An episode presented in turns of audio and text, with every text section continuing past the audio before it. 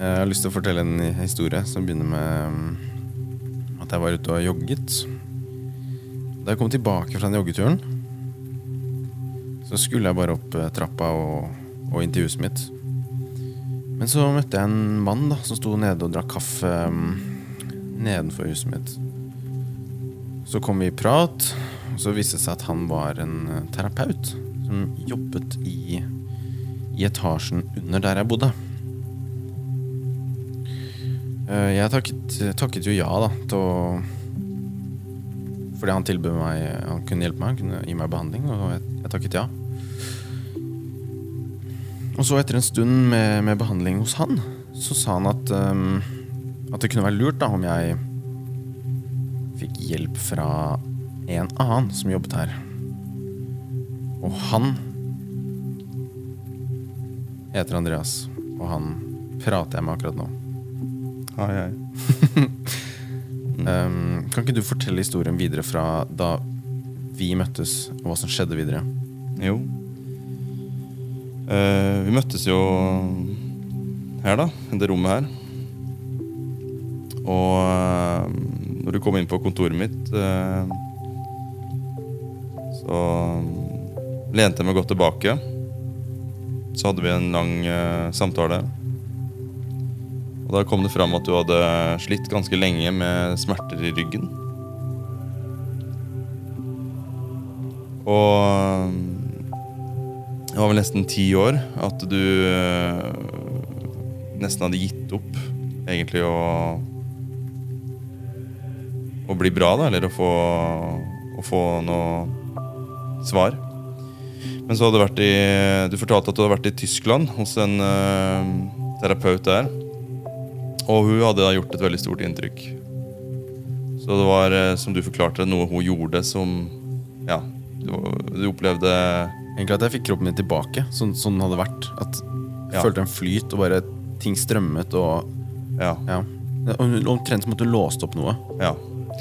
Og ehm, videre, da vi prater sammen, så skjønner jeg det at du, du har veldig mange spørsmål. Du, du er veldig nysgjerrig på hvordan denne her eh, ryggen kan ha vært sånn. Hvordan kommer det til å bli, og hva var det hun gjorde som gjorde at det ble så bra?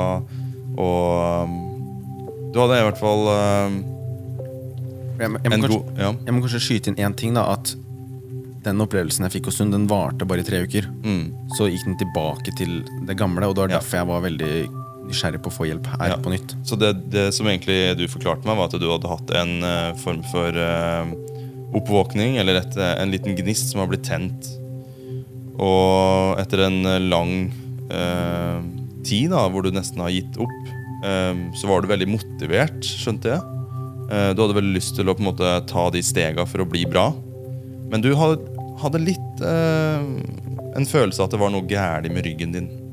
Og det var da jeg begynte å spørre deg litt. Ok, Kristoffer, hvordan, hvordan har du det? Hvordan er det, med, hvordan er det med søvnen din? Hvordan er det med kosten din? Er det noe som stresser deg? Er det noe som bekymrer deg i hverdagen? Mm. Eh, Det var, vel, ja. ja, det var kanskje da du opplevde at eh, det var litt annerledes enn det du ja, fordi at jeg har grublet ufattelig mye på ryggen, men har Det var først da du begynte å spørre om de andre tingene, at jeg slo meg av den sammenhengen da Ja. mellom eh, sinnet og kroppen. da Ja. Og dette er ikke noe som jeg Dette er jo noe som egentlig er ganske vanlig. Det er ikke noe sjeldent i min uh, hverdag som uh, jobber uh, som fysioterapeut og kostholdsrådgiver.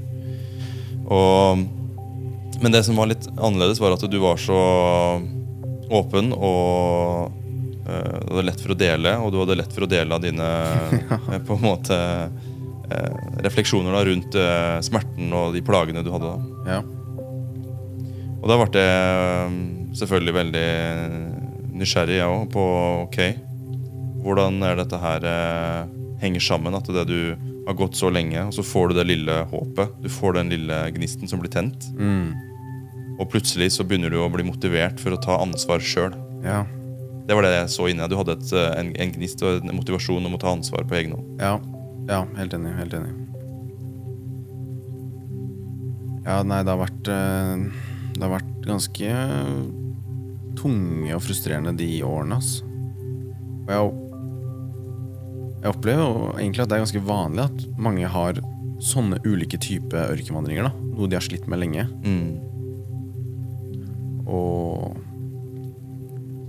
jeg hadde jo vent meg til tanken om at det kom til å være sånn resten av livet. Ja. Sånn, sånn er jeg. Ja, og det, og det er det som ofte skjer i, i, i folk sine liv i dag. At vi, vi har en tendens til å henge oss opp i framtida. Vi har en tendens til å tenke at eh, ok, nå har jeg dette her nå. Eh, hva skjer eh, hvis dette her ikke blir borte? Hva hvis det blir verre? Tenk hvis det er alvorlig? Tenk hvis jeg ikke får gjort det her i framtida mi? Og når vi da begynner å gruble over den framtida, så skjer det da ofte at vi vi mister oss sjæl litt. Ja. Vi går litt ut av den tilstedeværelsen som vi er i nå. Mm. Og du kan nesten si at vi, det er ingen hjemme. Ikke sant? ja, man blir så stressa og distansert fra seg selv. Ja. Og det er ofte det folk ender opp med å da å leite etter svar, ikke sant. Og eh, det er jo ikke Jeg tror det er ingen tvil om at det fins utrolig mange retninger å gå, og mange eksperter og mange råd og tips. Eh, og mange som hevder at de har en, en eller annen øvelse eller en, eh, en medisin eller en eh, operasjon eller en mm. behandling som da skal fikse da, det, Ja. det du sliter med. Ja. Men eh, som du sjøl har opplevd, så er det kanskje sånn at uh, det er ikke den ene tingen som skal fikses. Mm. Det er et uh, mer helhetlig bilde som må på plass. Men kanskje jeg kan si noen ord om hvordan det har føltes for meg? Hvordan det har opplevd liksom, hvordan smert, Litt sånn om smerten og sånn? Kan jeg si det? Ja, hvis du vil. Ja, ja, ja. Um, ja altså jeg har som sagt da hatt uh, Jeg har gått over ti år med ulike typer plager. Og det er det som er, det er, det som er kjennetegnet at jeg har vært hos sånn osteopater og sånn. Mm. Så, så har ikke de kunnet satt noe ordentlig definisjon på hva som er gærent med meg. Mm. De har kunnet sagt at du har uspesifiserte ryggplager. Det er det jeg har fått høre. Ja. Um, Og det er jo en av de, bare for å skyte det er en av de desidert mest vanlige helseplagene som fins i den vestlige verden. Ikke sant Um, Der jeg ser på som at det begynte Var en fotballkamp Hvor det, det bare smalt på hofta liksom Det var jo skikkelig vondt Og så halta jeg mange måneder etterpå Mm. Ehm, Men det er ikke sikkert at det er starten Fordi jeg har begynt å forske litt mer Av at mest sannsynlig så har det vært noen skjevheter i kroppen På forhånd Ja. Som har gjort at At det plutselig en gang sa stopp da Mm. Um, men sånn som jeg har opplevd smertene, har vært at um, Jeg kan ofte legge meg og sove, og så føles det ok ut uh, når jeg våkner igjen. Men, men så er kroppen min skjev. Muskulaturen er skjev, det er ubalanse. Og i løpet av dagen da, hvor jeg går og løfter og spiller fotball og sånn, så belaster jeg kroppen feil. Og det blir bare en sånn det er ikke en sånn spontansmerte, men det er sånn sigende, seig smerte som bare setter seg, og musklene bare blir mer og mer stive. Og så når jeg da legger meg på kvelden, så er jeg på en måte så stiv som jeg kan få blitt. Mm. Og så våkner jeg opp dagen etter, og så er det ok igjen. Mm. Og så har det vært en sånn der kontinuerlig opp og ned, svinging her og der. Litt bra, litt dårlig. Ja, og det er det som veldig ofte da kanskje eh, du har opplevd også som frustrerende. Ja, At det Det kan være så ute av din kontroll, ja, og du eh, prøver å finne et mønster. ja. Eh, du prøver å finne en forklaring. Mm, Du prøver å forstå bedre hva som eh, får det til å bli verre, eller hva som får det til å bli bedre. mm, Og det er der du da egentlig kan gruble og rote og leite i nesten evig tid. mm, Eh, og i de aller, aller fleste tilfeller så kommer du egentlig ikke noe nærmere svaret. mm. Fordi svaret ligger ikke nødvendigvis da i den ene muskelen eller den ene knokkelen eller den ene bevegelsen eller mm. de vinkla eller de skeivheter som du prater om da. Ligger svaret i helheten? Altså, jeg tror at uh, ofte så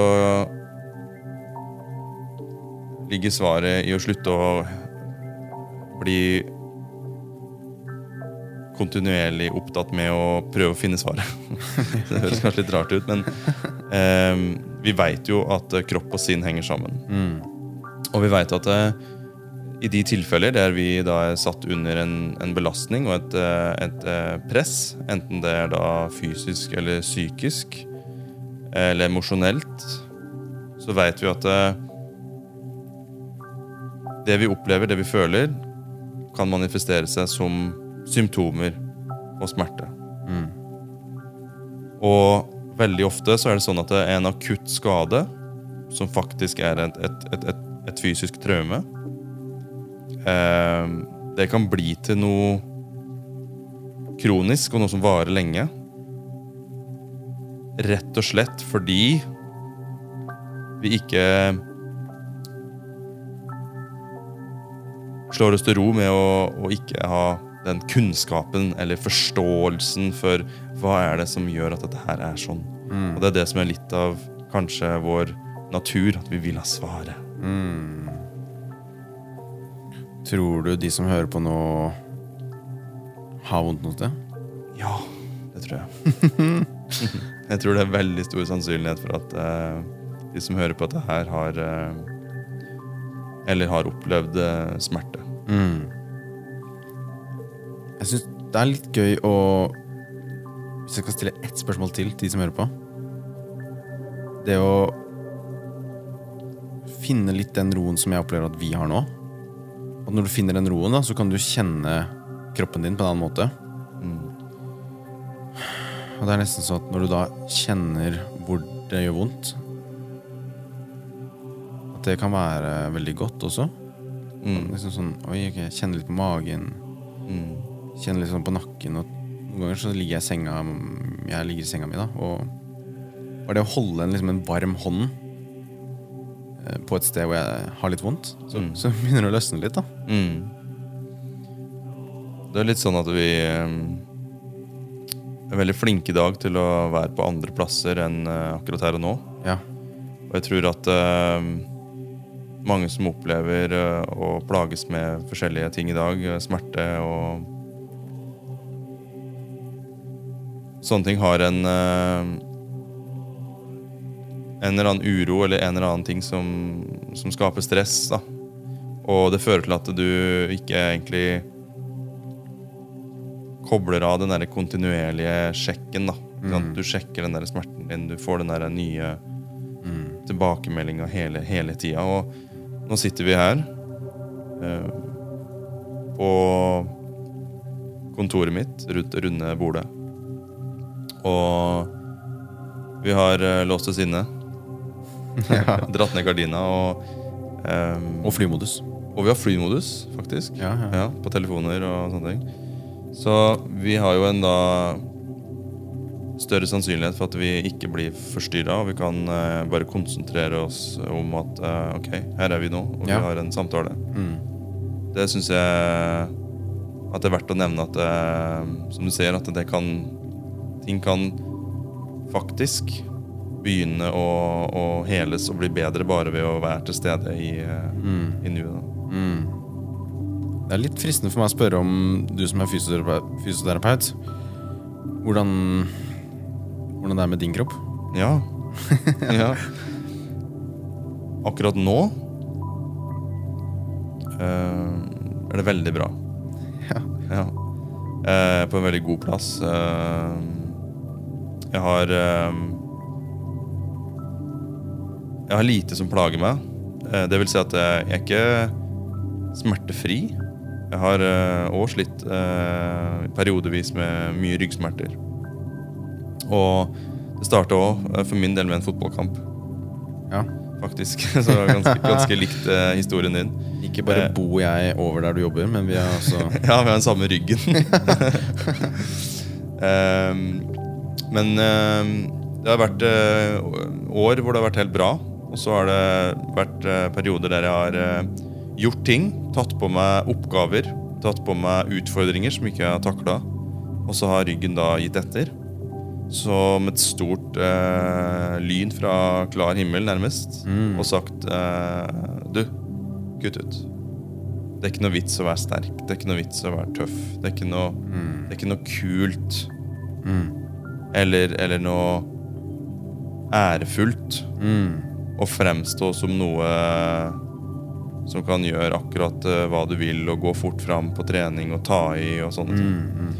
Så jeg måtte jobbe egentlig veldig mye med en uh, tilnærming der jeg har både gjort øvelser og brukt eh, fysioterapiprinsipper selvfølgelig i, i min egen behandling, men jeg har òg i det siste året brukt mer og mer tid på å finne en måte å roe ned stresset Mm.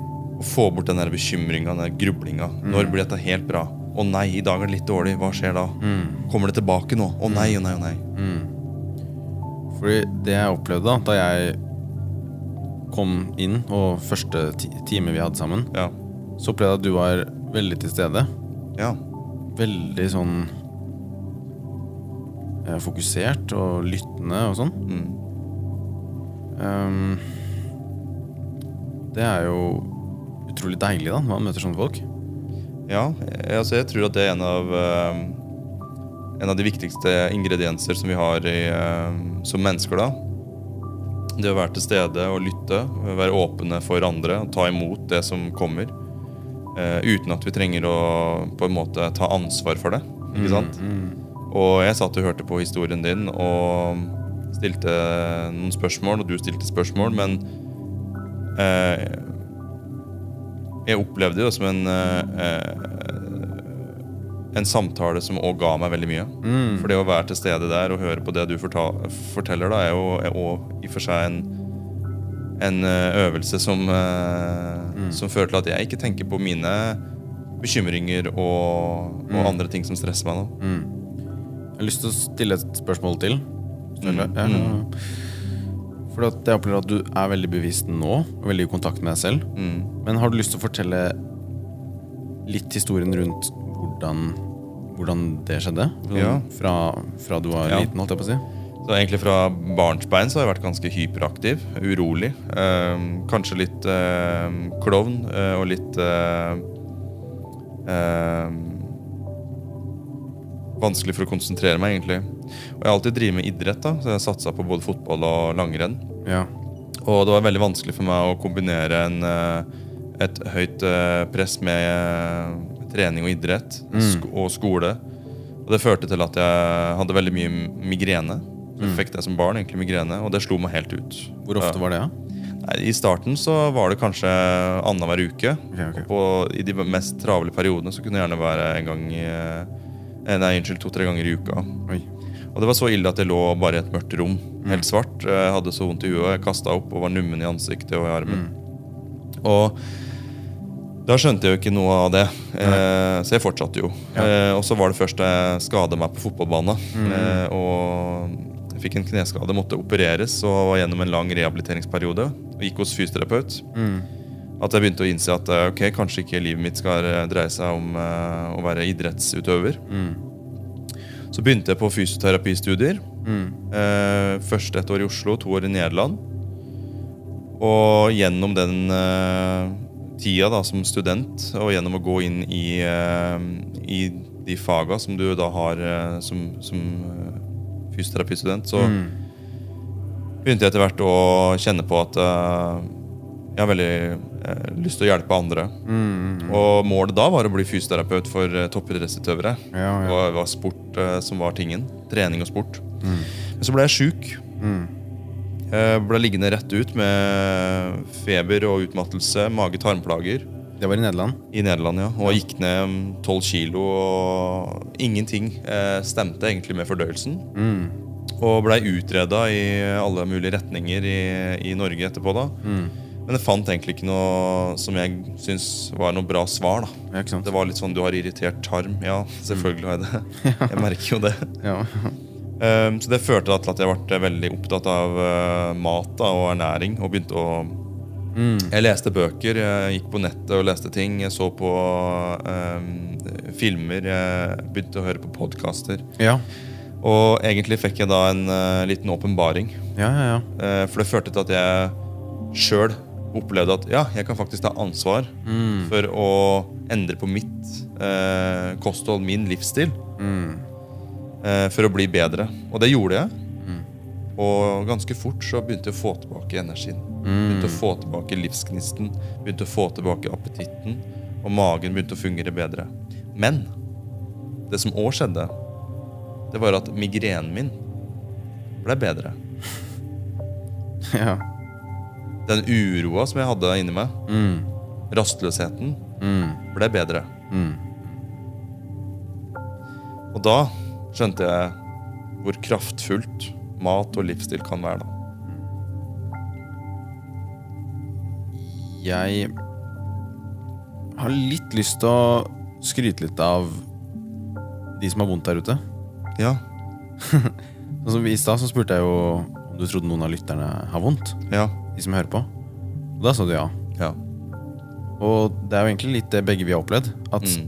vi har hatt ganske store utfordringer og, plager med kroppen. Som vi ikke har skjønt noe av. Det har vært en sånn ørkenvandring. Er det sånn? Ja. Og vi har opplevd å begge gå til behandling og ikke egentlig bli så mye klokere. Men at det er noe litt vakkert i det. Noe litt sånn at man, jeg, jeg, Det jeg har lyst til å skryte av, er de som faktisk har litt vondt. At bare sånn Ja, det er kjipt og vondt, men men det kan være veldig viktig òg, for at da blir det setter i gang bevisstgjøringen. Yes.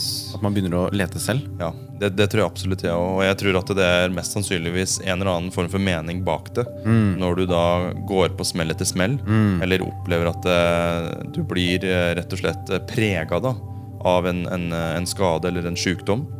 Um, og sånn som i begge våre tilfeller, så har jo den uh, opplevelsen da, eh, ført til en eh, veldig stor endring, eh, som handler om en indre reise, og som handler om å bli litt mer kjent med seg sjøl, sine begrensninger, og, og kanskje egentlig setter deg litt mer på sporet dit du egentlig skal i livet.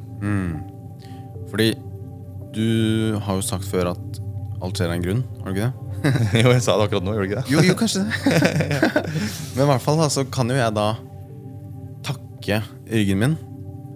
For at jeg har fått fryktelig mye annet positivt ut av det. Ja. Den reisen med å forstå ryggen min og forstå Ja. kroppen og sinnet, det har gitt meg utrolig mye mer um, fin innsikt og forståelse. Mm. Jeg tenker jo på at, altså, at du skadet deg den gangen du skadet deg først. Du gikk i ti år, og så plutselig tilfeldig møter den her dama i Tyskland som eh, gir deg en eh, form for oppvåkning eller en eh, aha-opplevelse.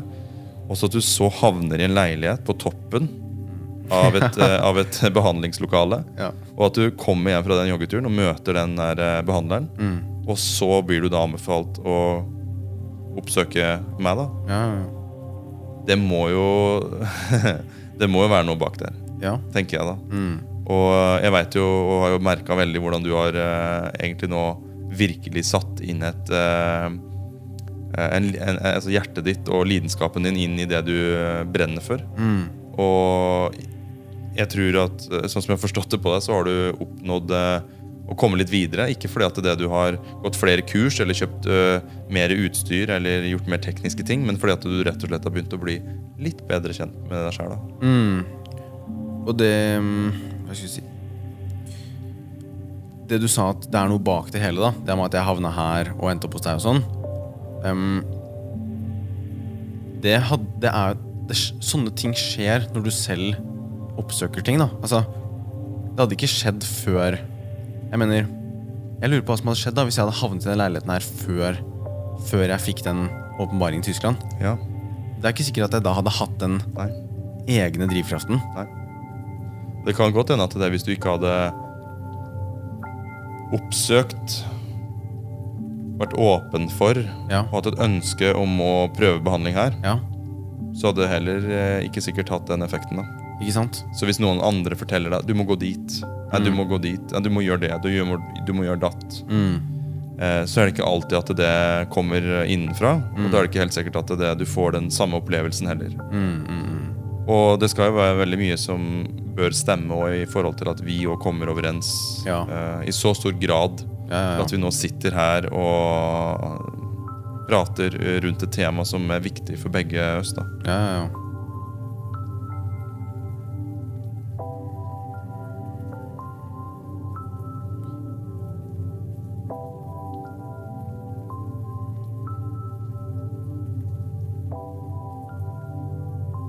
Vi kan kanskje legge til at eh, du har jo blitt invitert eh, inn i et rom av meg og en kollega. Mm.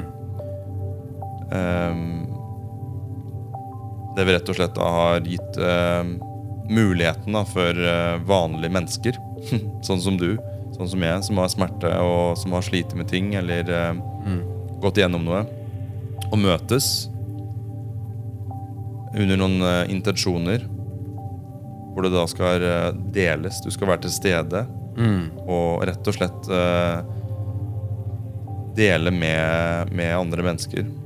Ja, for det er et prosjekt som du har satt i gang her? Ja, det, det er jeg og en kollega som har, som har begynt å vi, vi, vi ønsker å danne små sirkler, da. Så vi er alle i en sirkel i, eh, i, eh, i det huset her. De som vil, da, de som ønsker. Og så har vi prøvd å danne flere sånne typer sirkler da, som, som handler om deling, og som handler om å, å, eh, å bli forstått og sett, og, og, og utvikling. Personlig utvikling. Eller menneskelig utvikling. Ja. For det Dette er noe du kaller ringråd? Ja, Vi kaller det for et ringråd, og det er en uh, urgammel måte egentlig å, å møtes. Det var jo sånn uh, indianer eh, eh, Folk egentlig alltid har løst konflikter og tatt opp uh, viktige spørsmål. Og som du kanskje har skjønt, så er jeg veldig inspirert av eh, fortida. Med både måten jeg prøver å eh, spise på, måten jeg prøver å uh, trene og, og leve. da. Ja. Og jeg tror jo veldig mye av Veldig mye av den derre essensen da, som mangler i dagens uh, moderne menneske, ligger egentlig i å gå litt tilbake og se på hva vi gjorde tidligere. ja. Hvordan var det vi på en måte utveksla Mm. uh, følelser, tanker, ideer? Hvordan var det vi egentlig Mm. la opp til det levemiljøet og de rammene rundt uh, livet våre? da. Jeg tror det ligger veldig mye der. Eh, Kan du fortelle historien om da vi møttes første gang til dette ringrådet? Da vi samlet oss i en sånn sirkel og, og Mm. Så det foregår jo da eh, som en, eh, en hvilken som helst annen sosial eh, sammenkomst. Eh, det er da er det noen mennesker som blir invitert. Eh, det er ikke noen spesielle kriterier, det er egentlig mer en uh, intuisjon eller en, uh, en magefølelse på hvem som kan passe inn i en, uh, en sånn sammenheng. Og du hadde jo en nysgjerrighet, og du hadde jo en evne til å åpne, åpne deg sjøl og dele. Og det er jo litt det som er tanken, da, at kanskje har ikke du opplevd å finne eller treffe mennesker i livet ditt da, som er på det, på det stadiet, eller som er på den ja, som har det behovet, da, eller som har det naturlig, sånn som du har. Mhm. Og det er det vi ønsker, da, å få inn flere som har det litt mer naturlig. mm. Eller som i hvert fall eh, Som har gitt uttrykk at de har behov for det. -hmm. Um, og det er jo en kjent ting at alle mennesker har behov for å prate. Ja, ja, ja.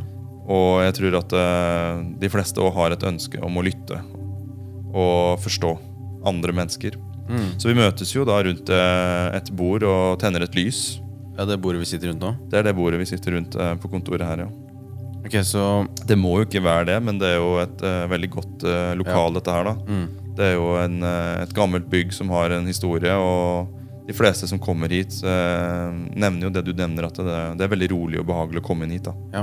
Og da kommer du på en måte inn i et fysisk rom, Mm. men du kommer òg litt inn i et, i et emosjonelt Mm. Eh, og et åndelig rom. Ja, ja, ja. Eh, der du plutselig har en stillhet som du kanskje bare finner på hytta, eller eh, Ja. ute i skogen rundt et bål, eller noe sånt. da. Ok. Jeg har bare lyst til å konkretisere det litt, da. For min egen forståelse også. For at du og din kollega inviterte da Var det seks andre, eller fem andre? Seks. Seks andre. Jeg var en av de. Dere inviterte oss da til et ringråd hvor vi satt i ring rundt et bord. Og så satte vi telefonene i flymodus. Mm. Og det som skjer da etter det, er jo egentlig ikke noe eh, som skal komme ut. da. Ikke sant? Og jeg, jeg vil jo egentlig poengtere at det, det er kanskje best om det bare om det bare blir det. Ja, ikke sant? Men jeg kan jo dele kanskje hvordan jeg følte meg etter Ja, vær så god. ja, Fordi etter at vi hadde sittet i den ringen og pratet i tre timer, tror jeg, Ja, det ble det. ja, så opplevde jeg en sånn utrolig dyp tilstedeværelse med meg selv, da. Litt sånn som nå. Mm. Det gjorde skikkelig inntrykk på meg. Ja. Og det, det er også et tema jeg brenner mye for, da. For uh... Så det- som kanskje er grunnen til at det uh, ga et så sterkt inntrykk, er vel kanskje at du har eh, Med å være nysgjerrig og med å ha eh, ting i livet som oppstår, situasjoner og relasjoner og forpliktelser og ansvar og forventninger og I det hele tatt så har du grubla på mange ting. mm, Og du har tenkt bakover. mm, Ikke sant? Ti år siden så skjedde den skaden, men var det egentlig det? Mm. Hva var det egentlig? Eller framtida? Hva kommer til å skje da? Hvor er jeg da? Hva vil, Mm. hva vil eh, han eller hun tenke om det, eller hva vil jeg føle da? Og når du sitter da rundt et uh, i en ring, da, sånn som dette her, eller rundt et bord, sånn som vi sitter nå, så plutselig så skifter uh, bevisstheten din seg. mm, Plutselig så merker du det at uh, vi deler noe her nå. mm, Noe som ikke vi kan ta på, noe som vi ikke, kan se eller høre. Men det er et eller annet vi føler her nå, at vi, vi deler, vi sammen, du og jeg som sitter her. ja. Kanskje lyttere våre. Mm, Og jeg tror at det er den bevisstheten mm, vi egentlig vil komme inn i. For når vi er i den bevisstheten, så vet vi òg at uh, da kan tankeprosesser, følelser, stress, uro i kroppen kan få lov til også sakte, men sikkert forsvinne. mm. En av de, en av, noen av de tankene jeg har hatt i ettertid, da, er jo bare at jeg er skikkelig takknemlig for å være med på det. Og jeg har Ja, og vi er veldig takknemlige for at du er med på det. Ja, takk. Jeg fikk Jeg fikk jo lyst til at flere skulle oppleve den dype tilstedeværelsen. Ja. Ehm.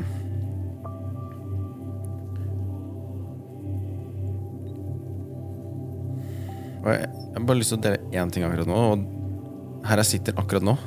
så, det er sånn jeg kobla såpass av, da, at jeg Jeg aner ikke hva klokken er akkurat nå. Jeg har Nei. ikke så mye formening om hva den er. I tillegg til at jeg Nå tenkte jeg meg grundig om, da, så nå skjønte jeg at det var fredag i dag. Men Ja. før det så, Ja, så ja. ante jeg ikke hvilken dag det var. Nei. I det hele tatt. Nei.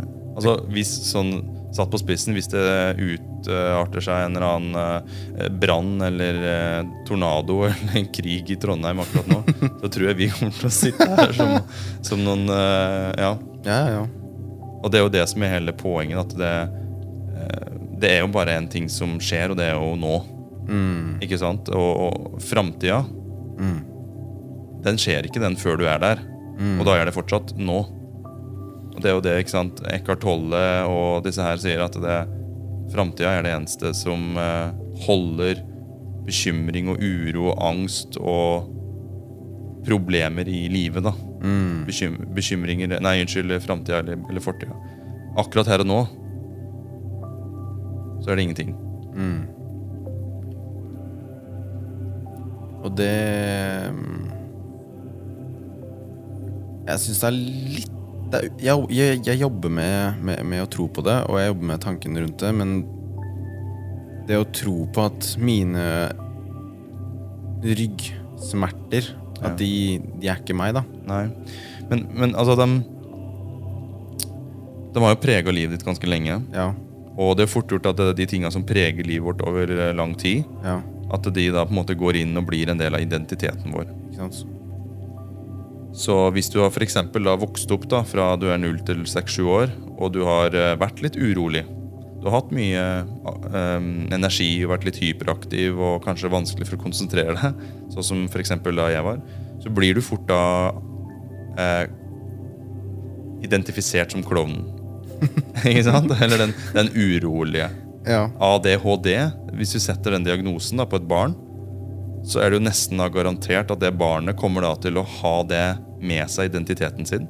Ha det i en slags underbevissthet og i en slags eh, eh, selvforståelse. At jeg er ADHD, jeg er hyperaktiv, jeg er disse tinga her. Og når du da vokser opp, da, og vi veit at det, det er flere ting som påvirker hvordan du oppfører deg, ikke sant? Du, hvis, jeg, hvis, hvis du er redd for å fly, så er det for at du er redd for at det flyet skal dette ned. Du er redd for å skade eller dø. ikke sant? Og når du kommer da på flyplassen, så kanskje begynner den flyskrekken å melde seg. Da får du en annen atferd enn det du har her nå rundt det bordet her. Du blir veldig annerledes. Men det er jo for at miljøet trigger fram noen tanker som igjen skaper noen følelser som gjør at du blir redd, og derfor oppfører du deg. Derfor så får du den atferden. Og Sånn er det jo òg når vi da går og vokser opp med å, med å få høre at vi er så flinke. Og du er så sterk. Og du er så rask. Og du er så hyperaktiv, og du er så ukonsentrert, og så videre og så videre og så videre. Så får vi da et sånt ytre krav om hvordan vi skal være, hvem vi skal være. Så fører vi da det med oss i de der fine ungdomsåra, kanskje inn i det voksenlivet. Og så etterstrever vi da kanskje et liv som ikke vi sjøl egentlig har valgt, med vårt indre kompass. Men det er noen andre fra, ut, eh, fra utsida da, som har plassert det inni oss. da. Så du er ikke de smertene du har i dag. Livet ditt kan være prega av smerten. Ikke sant? Du kan si at eh, ja, jeg er eh, prega av å være lat for øyeblikket. Jeg er prega av kjærlighetssorg. Jeg er prega av sult. Jeg opplever at livet mitt uh, inneholder mye Ikke sant? Hodepine. Du er jo ikke den hodepinen. Men hvis man, hvis man skal tenke at man ikke er den hodepinen, Mm. hva er det man skal tenke da? Det er akkurat det at du skal ikke tenke for mye. Du skal, du, skal å- du skal begynne å få fjerne den Altså For hver gang du da tenker på hodepine, eller tenker på at jeg ikke har hodepine, eller et, et eller annet sånt noe, så begynner du allerede å minne deg sjøl på hodepinen. Og det er jo da det jeg sier til det. Kanskje har du eller jeg nå litt vondt en plass. Kanskje har vi litt hodepine, eller kanskje sitter vi litt vondt, men vi tenker ikke på det, for at vi er inne i det vi driver med akkurat nå. Mens hvis jeg begynner å si til deg Kan du tenke på en rosa elefant? Hva tenkte du på nå? En rosa elefant? Ja, ikke sant? Det er jo sånn, det er jo sånn vi, vi fungerer, da. Og hvis jeg sier da for eksempel Tenk på en svart, stor hund, og du er redd for svarte, store hunder. Så kan det at det var en tanke først, for at det, jeg sa det, men så begynner allerede den følelsen fordi du er redd for hunder. Så kommer den frykten, og hva skjer når du da er redd? Jo, tanke fører til følelse. Følelsen fører da til at musklene dine strammer seg. Mm, det er mine ganske stramme. Ofte. Ja. ja, ikke sant? Og så spør vi da massøren, eller fysioterapeuten, du, kan ikke du være så snill å massere musklene mine? For de er så stive. altså er det fordi at du er redd for en svart hund, eller redd for å fly. ikke sant? Så da må du prate med piloten da, og be ham om ikke krasje.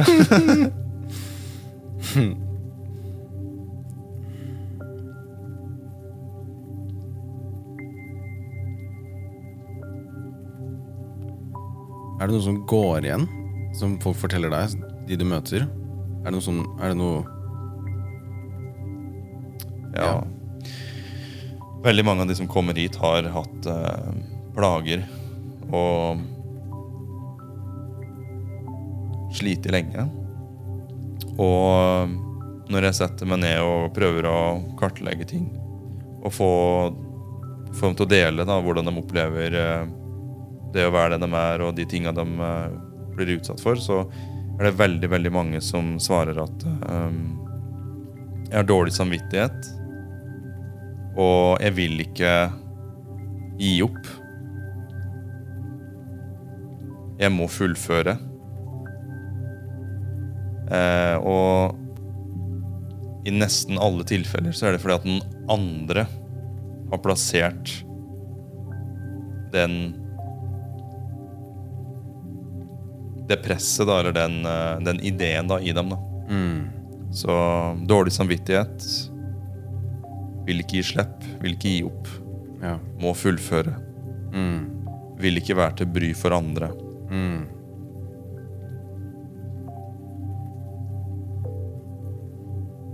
Og veldig mange spørsmål. Ja, men hva hvis om at Mm. Tenk hvis. Tror du at Kommer jeg til å bli bra? Mm. Burde jeg, burde jeg gjort det? Var det dumt at jeg gjorde det? Tror du det er farlig å gjøre det? Mm.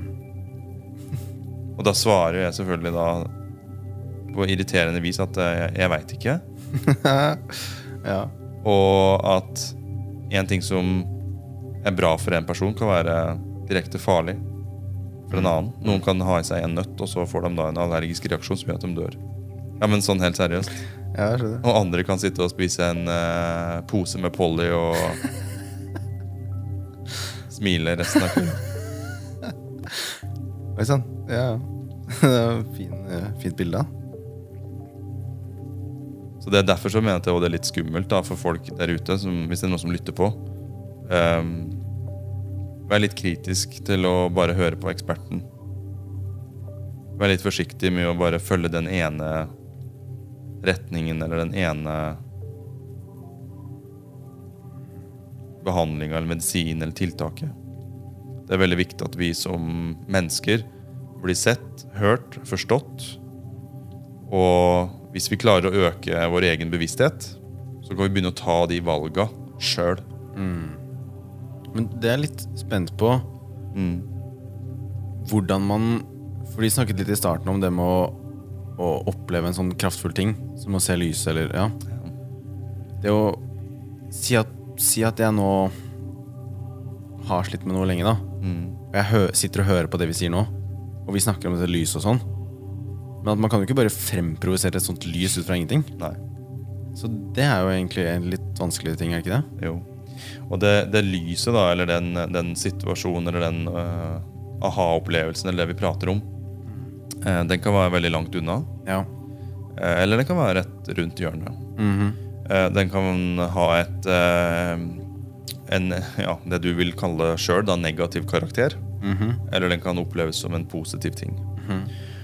Og at det f.eks. du ble skada i ryggen og sleit i mange år, at det har hatt eh, mange perioder med, med mye vondt i ryggen og migrene og den tarmen som var, var helt ute av drift. det er jo negative ting. Ikke sant? Det er jo, det er det er jo dumt, det er jo kjipt, det er jo, det er jo vondt. Ja. Det er ikke noe, noe positivt i det hele tatt. Og det første som må skje, da, det er at du begynner å akseptere at du har vondt. At du har et problem. Og det neste er jo kanskje da å treffe de mennesker da, som òg forstår deg. Og som da ikke nødvendigvis prøver å fikse det, men som lytter og hører på deg og ser deg for den du er. Og når det har skjedd, så kan en sånn negativ ting da bli til et positivt lys, eller tenne et lite håp, da. Men jeg tror at uh, hvis det er noen som lurer på hvordan skal jeg finne det lyset eller den gnisten, vær våken. Mm. Åpne øynene dine. Det fins overalt, Mm. men du må være på en plass der du kan ta det imot.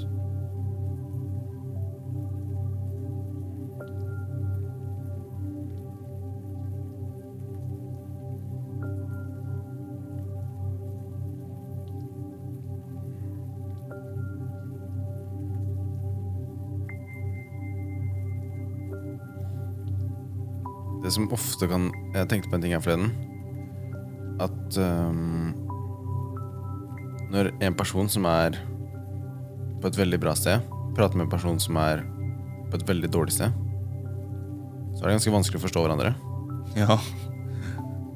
Det er jo eh, Du kommer jo fra litt to forskjellige verdener, egentlig. Mm.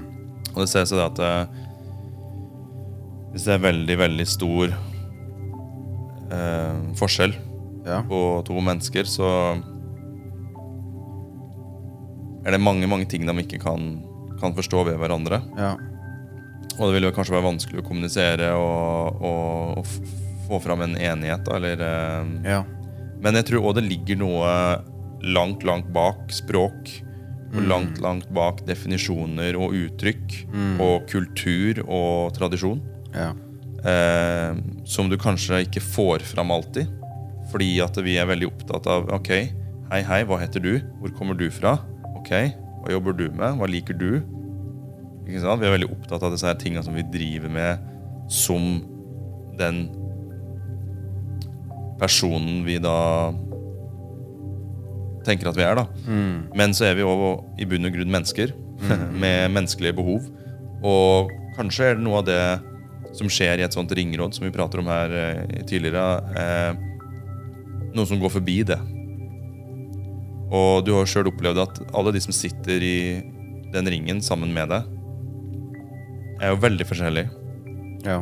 I alder, bakgrunn Mm, ja.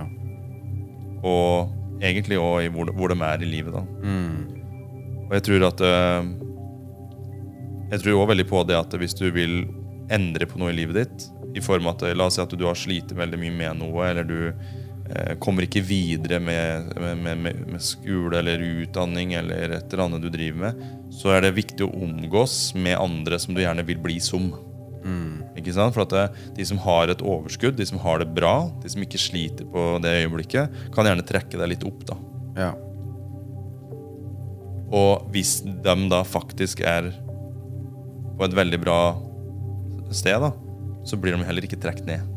Sant. Og det er ofte jeg får spørsmål av noen av mine klienter etter at de har sittet her kanskje og hatt det tøft. Ja. Eh, delt. Eh, det har vært følelser, det har kanskje vært frustrasjon.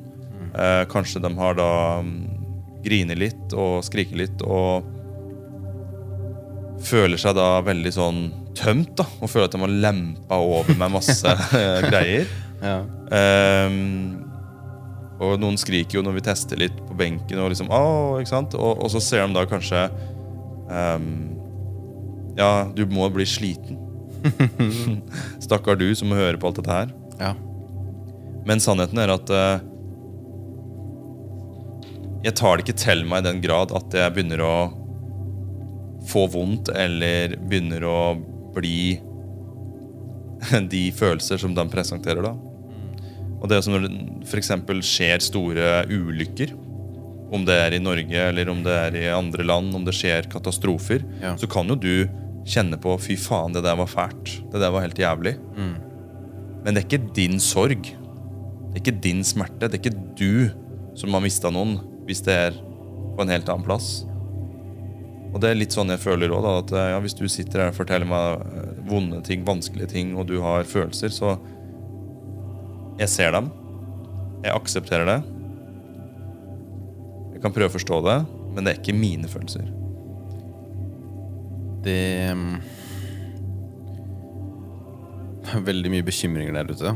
Mm. Og hvis du ikke hadde vært så flink som du er, så ville du sikkert begynt å bekymre deg over alle de Sant? Jo, jo, men hvis jeg vil nå, så kan jeg begynne å bekymre meg. da okay, okay, okay. Jeg kan jo begynne å tenke på hvor mange som faktisk sliter med psykisk helse, som sliter med kroniske ryggsmerter, som sliter med overvekt og forskjellige livsstilssykdommer og kreft. Ja. Og jeg kan begynne å tenke litt på klima. Jeg kan begynne å tenke på hvor ille det er at vi eh, er så fantastisk flinke da, til å ødelegge den jordkloden her. Jeg kan begynne å tenke på den der eh, uroa i Midtøsten og konflikter og ting som skjer politisk på verdensbildet. Men endrer det den følelsen jeg har akkurat her og nå? Nei. Kan jeg ta ansvar for disse her tinga? Nei. Kan jeg ta ansvar for mitt eget liv? Ja. Skal jeg ta på meg skylda for at det, disse her tinga skjer? Nei. Og det er der da vi begynner å skille på det der eh, Skille på det som det handler om Det som handler om skyld og ansvar. Eh, og det som handler om å ta ting i uh, Ifra en plass da, der du er, ikke sant? ja. Det er det det handler om, ikke sant? At vi har alle forskjellige, forskjellige ressurser. da Men Har du opplevd å bekymre deg for noen noe venner og sånn? Fordi jeg, jeg har det. ja, Hva tenker du på at du bekymrer deg over? Det er noe man er glad i, da. Ja, Og også mm, ja. mm, Jeg har gjort det, og jeg har hatt nære venner og familiemedlemmer som har vært syke og som har hatt problemer, da. mm, Og jeg har faktisk eh, egentlig i ganske, i ganske ung alder da, opplevd at eh, det er veldig vondt å se noen du er glad i, slite. Det er veldig vondt å på en måte uh, høre det de forteller deg, og tenke at dette her er noe jeg ser nå, dette er noe jeg er bevisst over, og derfor så må jeg da hjelpe personen. Og da er det tilbake til at du tar på deg det ansvaret. da. Men så har jeg f.eks. opplevd at um, jeg mista alle besteforeldrene mine. Og jeg vil si at det, det var desidert vondest å miste den personen som jeg hadde dårligst kontakt med. Som jeg prata minst med, og som jeg hadde minst eh, en oppfatning av at vi forsto hverandre og kjærligheten vi hadde til hverandre. Mens med besteforelder som jeg var 100% sikker på at vi er veldig veldig dypt glad i hverandre. Vi vil hverandre det beste. Og det er ingen bitterhet. Det er ingen konflikter. Det er ingen uklarhet. Ikke noe, ikke noe usagt, på en måte? Ikke noe usagt. Der sa du det. Ja, ja, ja. Ja, bra. Når den personen da går bort i mitt liv, så føler jeg nesten ingen sorg. Mm. Men når jeg ser på da f.eks. For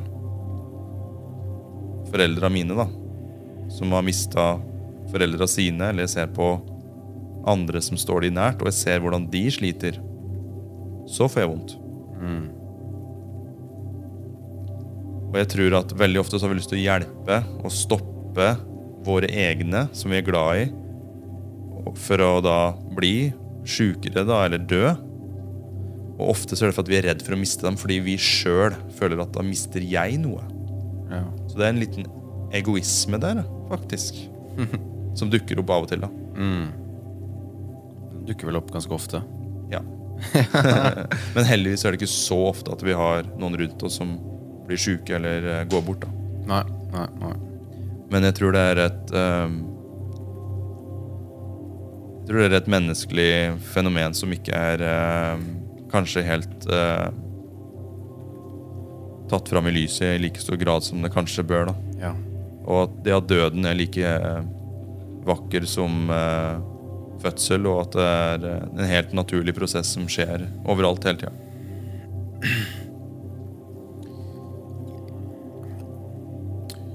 Um, her for, eh, var det vel i, fra januar til februar så drev jeg og skrev dagbok. da Første gang jeg prøvde, egentlig. Ja.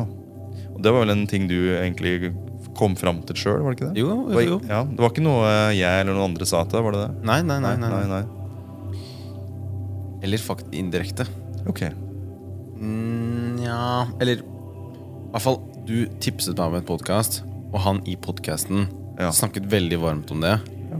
Så, så, så det er på en måte Det er veldig morsomt da med de der indirekte Ja. Det må si sånn Ja. Det er en bevisstgjøring, da, ikke sant? Ja, ja, ja.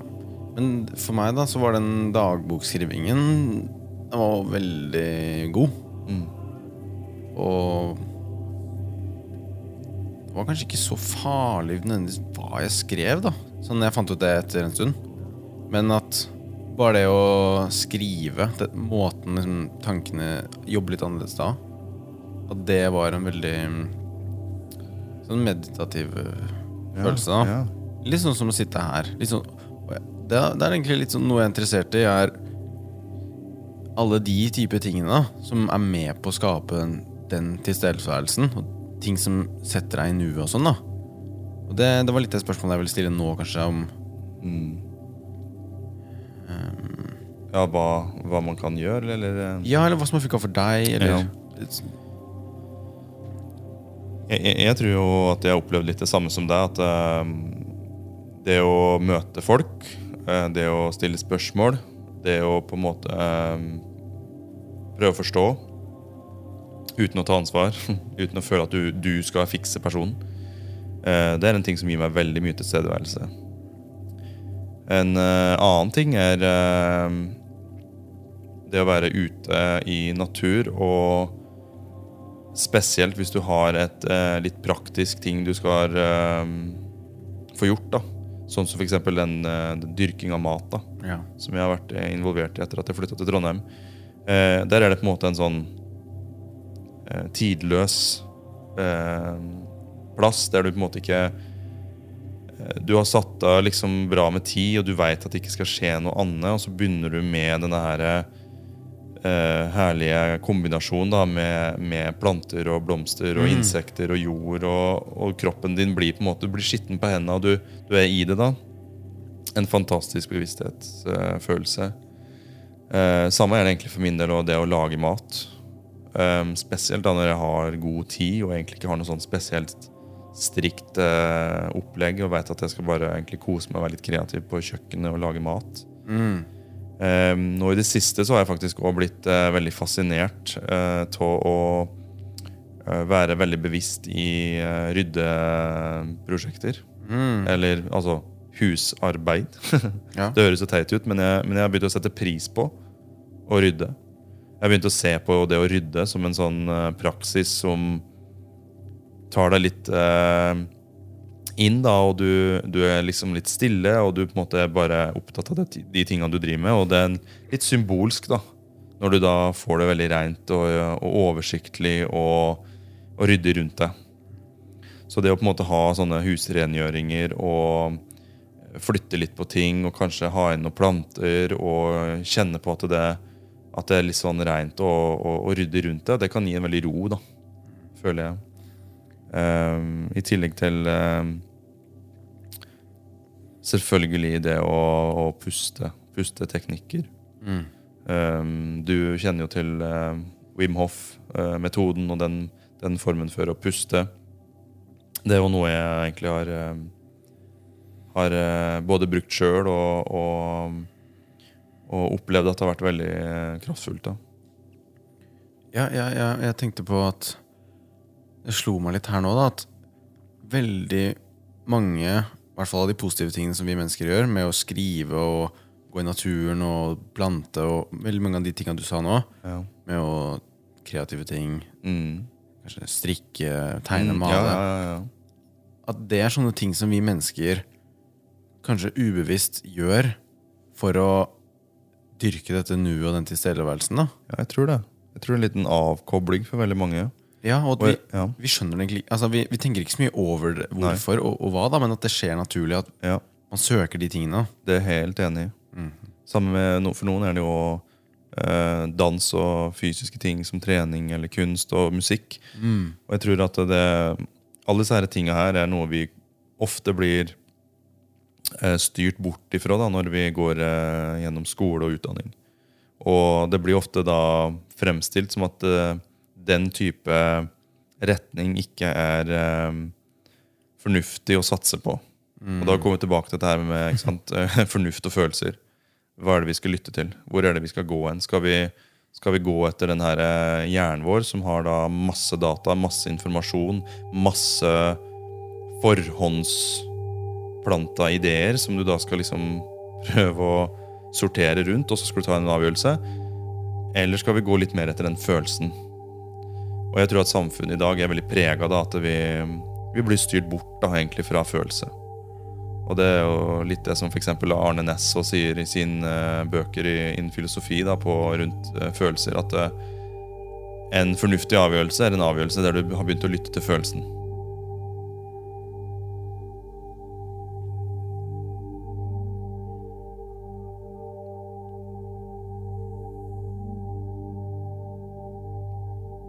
Da kommer det inn det store bildet. Um, hvis vi ser på utviklinga Det som skjer i samfunnet i dag, så er det liksom mer og mer og mer av det materialistiske. Mer og mer av det som kan måles. Mer og mer av det som kan oppnås, ikke sant? Det er målet. Det er Du på en måte, du sier du, jeg skal ta et kurs, jeg skal få en sertifisering. Jeg skal kjøpe meg det. Jeg skal skaffe meg ditt, skal skaffe meg datt. Og så er det da kanskje slik da, at vi fokuserer for mye på målet. Når du da fokuserer på et mål som ligger langt framme, så mister du sidesynet. Da bruker du på en måte bare den ene hjernehalvdelen, og du ser ikke det totale bildet. Og det er det vi har på en måte kanskje glemt da, i, i stor grad i Vesten. Men så vil jeg også legge til at det virker som at det begynner å skje endringer. det virker som at flere og flere er opptatt av de tinga som handler litt mer om følelser og intuisjon, og folk får en litt mer eh, Det melder seg et større behov for den bevisstheten og de, de tinga som du akkurat nevnte. da. Det var en ganske positiv eh, slutt på visa, kanskje? Ja, jeg, jeg tror jo at uh, Altså, verden får nå bare gå som den vil. For det, vi kan ikke ta det ansvaret. Eh, og jeg tror at det er mm, en felles bevissthetsøkning og en uh, En eh, En tanke da om at igjen eh, Ta en, en dag av gangen, da. Og gjør det du kan akkurat nå. Og hvis det ikke er noen ting, fint. Aksepter det. Så får vi se hva som skjer, eller ikke.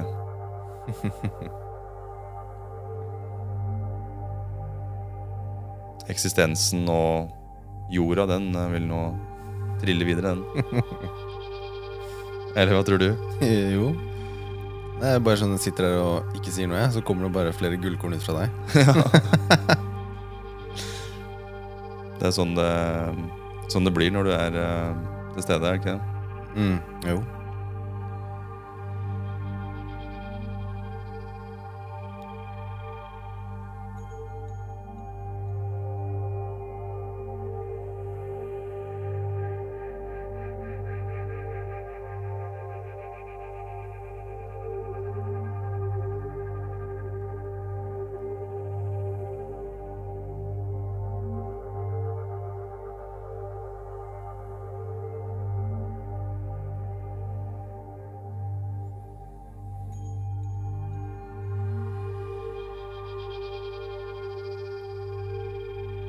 Jogger du fortsatt?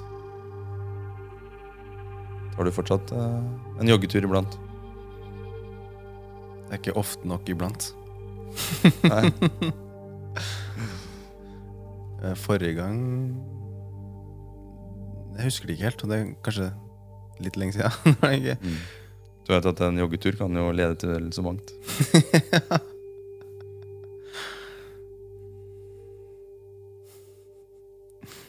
Det er tips. Tips til alle. Begynn å jogge. altså kanskje du møter Nei, men helt seriøst. Tipset er ikke jogg. Eh, Tipset er eh, vær våken Mm. og begynne å prate med folk. Skal vi la det stå som eh, siste ord. Takk for praten. Takk for at jeg fikk eh, dele den der eh, stunden. Greit, det. Herlig.